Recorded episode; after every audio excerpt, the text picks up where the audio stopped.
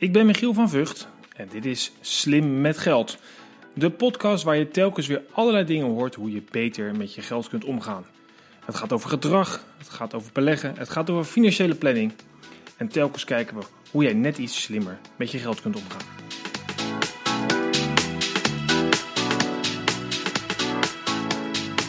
Deze podcast is mede mogelijk gemaakt door NNEK Vermogensbeheer.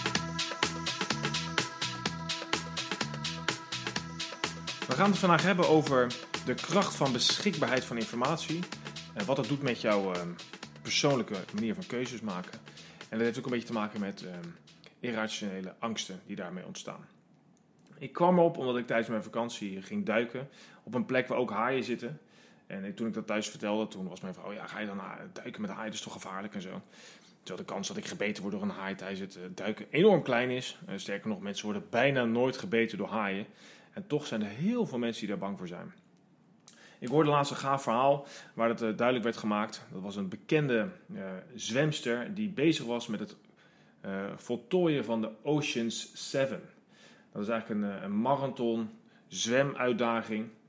Die, ja, daar ga je zeven grote open waterafstanden afleggen. Dus onder andere het kanaal in de Noordzee, maar ook in de straat van Gibraltar, je gaat bij de Koekeilanden wat doen. En onder andere ook in de buurt van Hawaii. En daar ging dit verhaal over wat ik hoorde. Daar was een vrouw aan het zwemmen. Die had er al zes had ze er gedaan. Ze moest de laatste doen. En dat was tussen twee eilanden in de buurt van Hawaii. En uh, ze was aan het zwemmen. Ze was een kilometer vier onderweg. En toen ineens uh, zag haar kajakker die haar begeleidde een tiger shark. Een tijgerhaai. In de buurt zwemmen. En dat zijn grote gevaarlijke haaien. Maar die niet per se gelijk wat doen. Maar je moet ze goed in de gaten houden. Uh, na een tijdje kwam er nog een tweede haai bij en die begon haar te omcirkelen. En uh, ja, dat was uh, toch allemaal hartstikke spannend, uiteraard. En die kajakker zei tegen de jongen, nou niks aan de hand. die haaien doen eigenlijk niks, maar let op, op het moment dat ze tegen je aanzwemmen met hun neus... Ja, dan moet je als de wiede weer gaat water uit. Want dat is hun manier om even af te tasten voordat ze aanvallen. Nou, ze zwom nog een half uurtje door en ja hoor, je verraadt het al. Na een half uur botste die haai tegen eraan. En dat was voor haar natuurlijk het moment om zo snel mogelijk naar de volgboot te zwemmen. En eh, met heel veel angst en paniek. En ze klom het water uit en uh, nou, ze heeft die afstand niet afgemaakt. En dat was voor haar ook het punt om het nooit meer te doen. Dus ze was bijna klaar met een, met een epische uitdaging afronden. Waar maar heel weinig mensen, een stuk of tien, dat überhaupt in de wereld hebben gedaan. En uh, ja, ze heeft het afgebroken door die angst voor haar haaien. En in haar geval ook nog ergens terecht, want ze heeft bijna een haaienaanval had, ze, had ze aan de broek hangen. En toen is haar, um, um, ja, toen dacht ze, ja, nou, ik ga het niet meer doen. En toen kwam er uiteindelijk iemand en zei, nou, ik ga je helpen, van je angst afhelpen. En dat is gebeurd door naar een groot aquarium te gaan en haar in confrontatie te, te brengen met die haaien. Weliswaar achter het glas, dus niet zoveel aan de hand. En toen zei ze, ja, ik vind het toch eng, die haaien. En nou, ik weet niet of ik nog durf. En toen zei die kerel, nou, weet je wat we doen? Ik neem jou mee naar het meest dodelijke hier in het aquarium. Doe je blinddoek om, loop met me mee en ik zal je kennis laten maken met het meest dodelijke hier in het aquarium. Ben je er klaar voor? Nou, dat vond ze spannend, maar ze ging mee en na een klein stukje lopen was ze op een plek aangekomen. Ze mocht daar blinddoek afdoen om te zien wat het was. Nou, je raadt nooit wat het meest dodelijke in het aquarium was. Ik zat zelfs te denken aan een kleine kwal misschien die heel giftig is of een krokodil of, of iets. Nee hoor, iets heel anders. Het was een uh, fruit uh, hoe zeg je dat? Een, snoepautomaat, een, drankautomaat. Zo'n ding waar je een paar muntjes in gooit en dan valt er een blikje cola of een snicker uit. En in Amerika is dat uh, aanmerkelijk een gevaarlijker ding dan haaien, want daar gaan heel veel mensen per jaar aan dood omdat ze aan staan te schudden als iets blijft hangen. En dan valt hij om, verplettert die mensen die eronder staan. Veel gevaarlijker, uh, ik geloof tien keer zo gevaarlijk als het niet nog meer was dan de haai. En dat was voor haar een reden om te denken, ja, misschien is, ben ik ook wel irrationeel van angst. Uh, de kans dat ik nog een keer door een tiger shark wordt aangevallen is natuurlijk enorm klein en ik ga het gewoon doen. En uiteindelijk heeft ze het toch afgerond. Maar dat betekent wel iets heel fundamenteels, want we hebben allemaal die angsten. En die, die beschikbaarheid, ja, die hebben we, uh, daar kunnen we helemaal niet omheen. Want als er in West-Australië iemand wordt aangevallen door een haai, dan lees je dat op nu.nl of op de NOS uh, of op 101. Terwijl wij daar in Nederland helemaal geen haaien hebben. Ja, dus ook helemaal niet bang voor hoeven te zijn, zijn we dat dus toch. Nou, wat gaan we hier nou mee doen? Laten we dus even wat verder op in.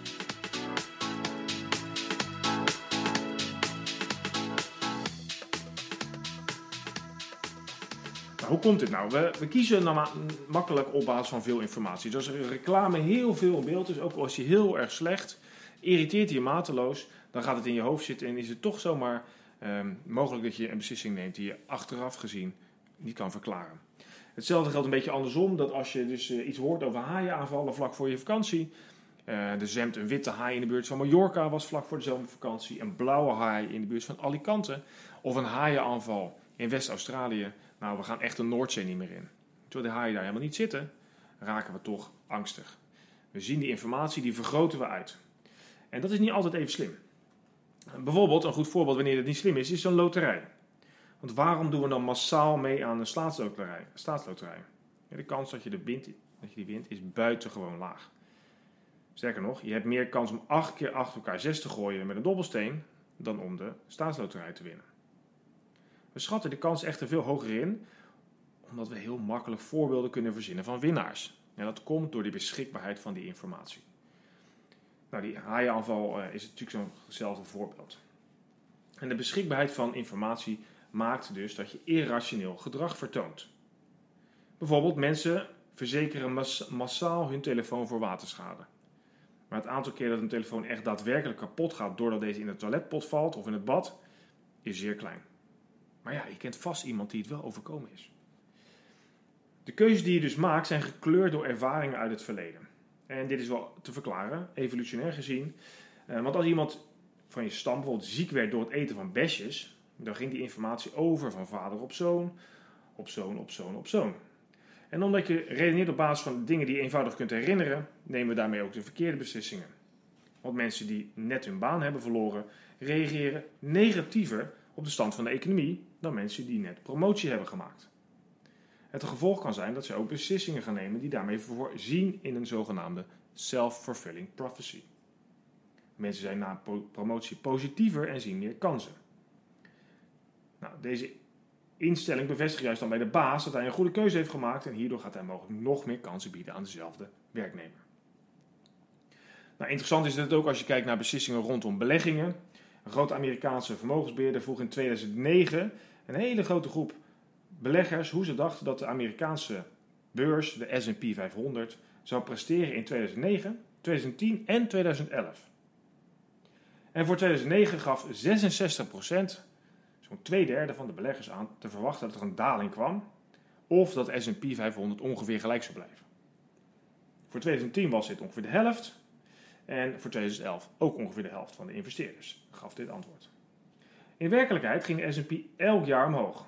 In 2009 met 26%, 2010 met 15% en in 2011 met 2%. Beleggers redeneerden echter vanuit de recente informatie van de grote beurscrash in 2008. Dat was een dramatisch beursjaar uiteraard. De beschikbare informatie kleurt de perceptie voor de toekomst. We doen dus regelmatig verkeerde aannames. Als jij iemand kent die 100 werd, ondanks het feit dat hij rookt als een ketter, bewijst dat niet dat roken gezond is. Of als je bent gaan beleggen op het hoogtepunt van de beurs en je vermogen daarna is gedaald, bewijst het ook niet dat beleggen niet werkt. We werken echter beter met informatie dan zonder, ook als die informatie niet klopt. Zo zijn er voorbeelden bekend uit de financiële wereld waarbij een bepaalde rekenmethodiek niet bleek te werken. Toch werd er nog jarenlang gebruik van gemaakt. Liever foute informatie dan geen informatie is kennelijk hoe we denken. Nou, dit is natuurlijk niet de manier waarop het zou moeten. En hoe kan je dit nou aanpassen? Wat doe je ermee? Nou, zorg dat je regelmatig praat met mensen met een andere mening. Zoek tegenbewijs van je eigen stelling en geloof niet per se je eigen gevoel. Weet dat je absurde zaken makkelijk onthoudt, maar ze zeker niet vaker voorkomen. Bijvoorbeeld terrorisme. Ja, door de manier waarop ons brein werkt zijn we natuurlijk doodsbang, maar wees eens eerlijk, is het terecht? Hoeveel aanslagen komen er nou daadwerkelijk voor? Gelukkig maar ontzettend weinig. Een andere manier is uh, zoek de moeilijk beschikbare informatie. Die is ook een andere kant laten zien. Zo kom je al met al tot een completer beeld en ga je betere beslissingen nemen. Waarom is dit belangrijk? Omdat je op deze manier meer vrijheid kunt krijgen in de toekomst. Want hoe beter die beslissingen nu zijn, hoe groter het resultaat in de toekomst. En daarmee kun je misschien nog een beter leven leiden. Dat gun ik je uiteraard van harte. Dankjewel voor het luisteren. Voor meer informatie kijk eens op michielvanvucht.com. Vught is met V-U-G-T. michielvanvucht.com. Voor interessante artikelen, weetjes en uh, de boeken die ik heb geschreven. Ik hoor je, je hoort me snel weer. Dankjewel voor het luisteren en een hele fijne dag.